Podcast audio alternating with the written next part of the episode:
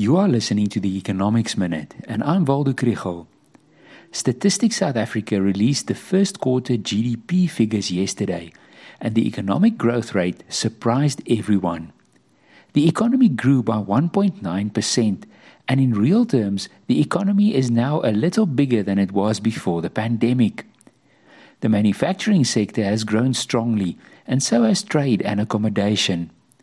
On the spending side, household consumption expenditure increased by 1.4% and ex- exports of goods and services by 3.9%.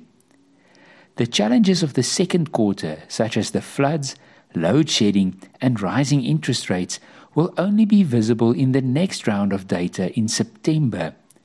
The Business Confidence Index figures for May, which will be released this week, will hopefully provide more information on the state of the economy.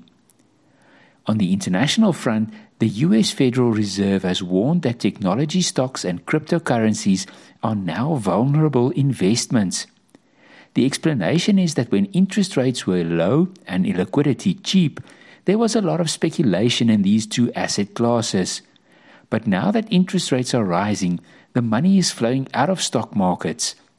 The higher interest rates can also slow economic growth, and this affects the value of technology stocks, which rely heavily on optimism about future profits.